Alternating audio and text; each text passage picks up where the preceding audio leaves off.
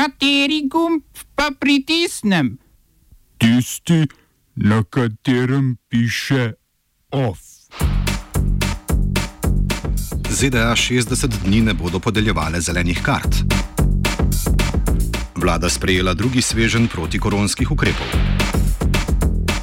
Kadrovske menjave na Zavodu za blagovne rezerve. V kulturnih novicah o vladinem spodbujanju slovenskega filma.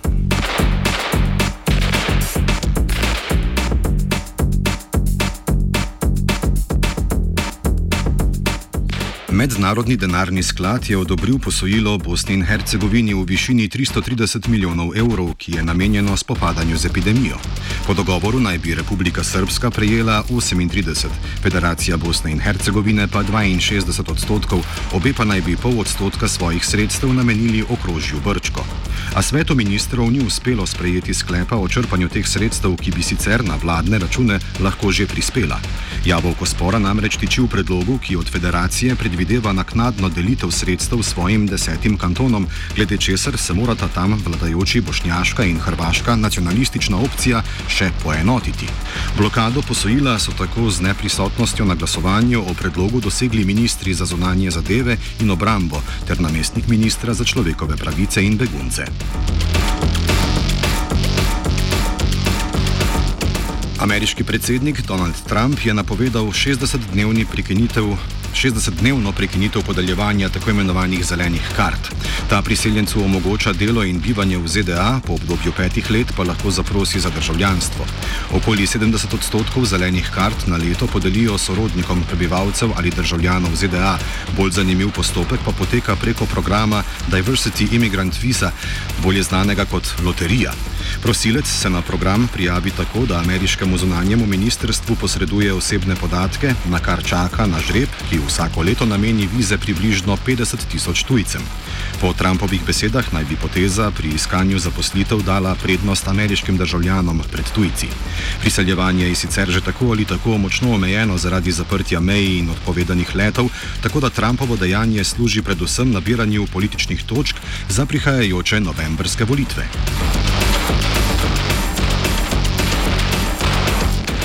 Poleg politične podpore pa Trump posredno išče tudi finančno. Njegov hotel v Washingtonu, katerega vodenje je ob nastopu funkcije predsednika prepustil sinovoma, je namreč vlado zaprosil za odlog plačila najemnine v višini približno 260 tisoč evrov zaradi izpada dobička v času zdravstvene krize. Zvezdna država Missouri, kjer so včeraj potekali protesti proti vzpostavitvi karantene, pa je na ameriško zvezdno sodišče vložila tožbo zoper Kitajsko zaradi domnevne malomarnosti pri obvladovanju zdravstvene krize, kar naj bi neposredno oškodovalo prebivalce Missourija. Poleg te je tožbo vložilo tudi nekaj zasebnih strank, od katerih ena Kitajsko bremeni kar namirne sprožitve pandemije. Prav tako je 22 republikanskih kongresnikov od Trumpa zahtevalo, naj vloži tožbo proti Kitajski. Kitajski pred mednarodnim sodiščem v Hagu, kljub temu, da niti ZDA, niti Kitajska nista podpisnici rimskega statuta, ki je ustanovil omenjeno sodišče. Še več, ameriška zakonodaja vladi daje celo pooblastila, da z vsemi možnimi sredstvi osvobodi morebitnega ameriškega državljana, ki bi se znašel na zatožni klopi Haškega sodišča.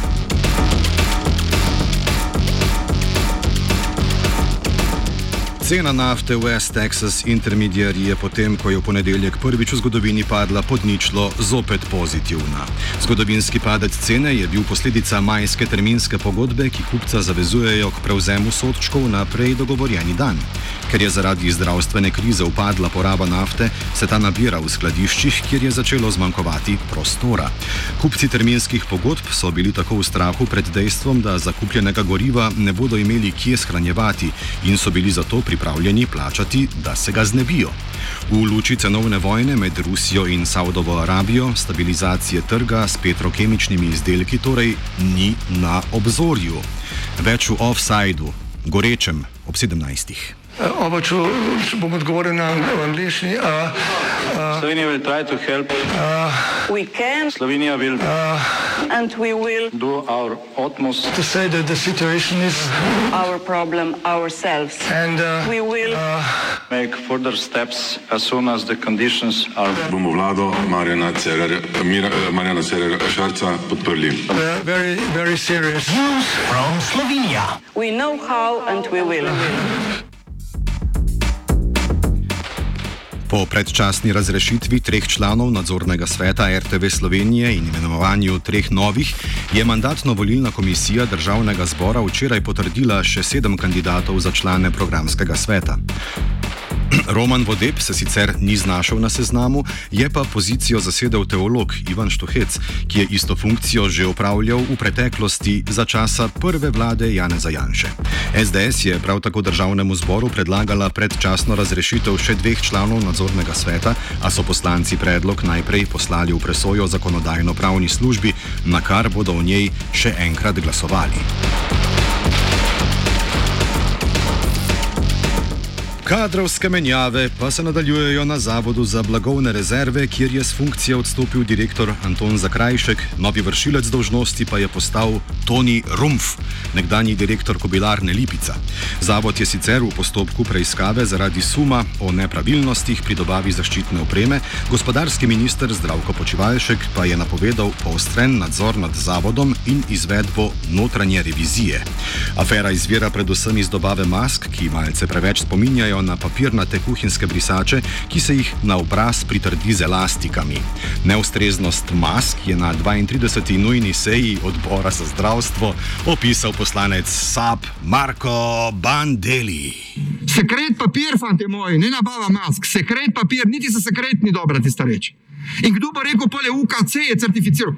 Kakšno, kako je usposobljen UKC, da lahko certificira tisto blago? Ma odkje? Dajte mi ve, mene pokazati, kakšne aparature ima on, da lahko to reče. Kdo je rekel, da UKC lahko to certificira? Ma kakšno blago? Paro propustno, vodoodporno. A veste, kaj to pomenijo ti izrazi? A vi se zavedate, kaj pomeni to?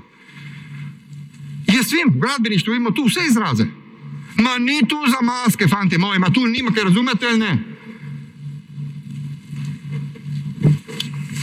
Lastike. Tiste lastike, ki so dali gor, so za cept dreve, če poznate to kmečko zadeve.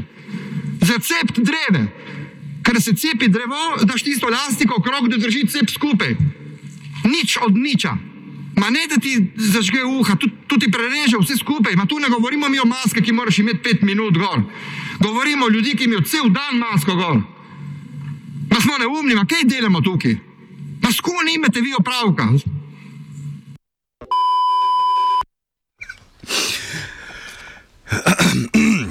Znanstvena redakcija opozarja. Rezultate raziskav o razširjenosti novega koronavirusa iz ene države le stežka prenesemo na drugo državo, saj so bili povsod sprejeti različni ukrepi in načini testiranja. V začetku tedna je v medijih tako odmevala raziskava iz Santa Clara v Kaliforniji, v kateri so dokazali, da je bilo z novim koronavirusom okuženih 50 do 85 krat več ljudi, kot so jih zabeležili z uporabo testov. O podobnih količnikih so poročali iz bližnjega Los Angelesa. Če pa bi številke prenesli recimo na vzhodno obalo ZDA v New York, bi to pomenilo, da je okuženih več ljudi, kot je tam prebivalcev. Nekaj ne štima. Svetovna zdravstvena organizacija sicer trenutno ocenjuje svetovno povprečje razširjenosti virusa med 2 in 3 odstotke populacije.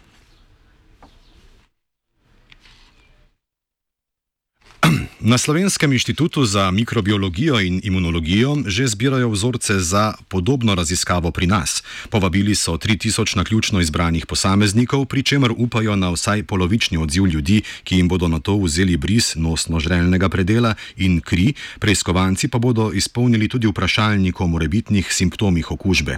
Krvni testi bodo po šestih mesecih ponovljeni.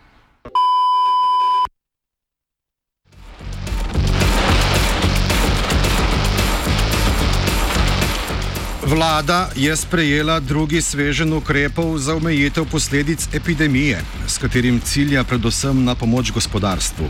Paket v vrednosti 2 milijard evrov zajema med drugim državna jamstva pri posojilih mikro, majhnim in srednjim podjetjem, dopolnjeni pa so tudi nekateri ukrepi iz prvega svežnja. Olajšani so namreč pogoji za upravičenost podjetij do pomoči pri poravnavanju plač zaposlenim na čakanju na delo. O tem, katera podjetja bodo upravičena do posojila po drugem svežnju, bodo odločale banke na podlagi ocene kreditne ustreznosti na dan 31. decembra, kar pomeni, da posojil ne bodo dobila podjetja, ki so bila v težavah že pred krizo. Svežen predvideva tudi pomoč državljanom v obliki zvišanih povprečnin za občine s sedanjih 590 na 624 evrov. Finančni minister Andrej Šircel je napovedal pripravo novega svežnja ukrepov v maju, ki pa naj bi bil razvojno naravnan, kar pomeni, da bo ciljal specifična podjetja, dejavnosti in panoge.